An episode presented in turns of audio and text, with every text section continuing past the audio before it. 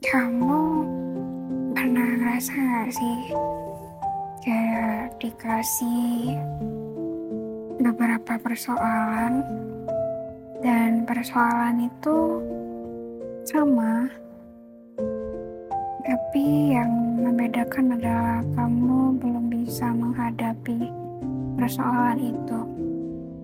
Jadi seolah semesta itu pengen kamu belajar terus karena kamu belum bisa nanganin itu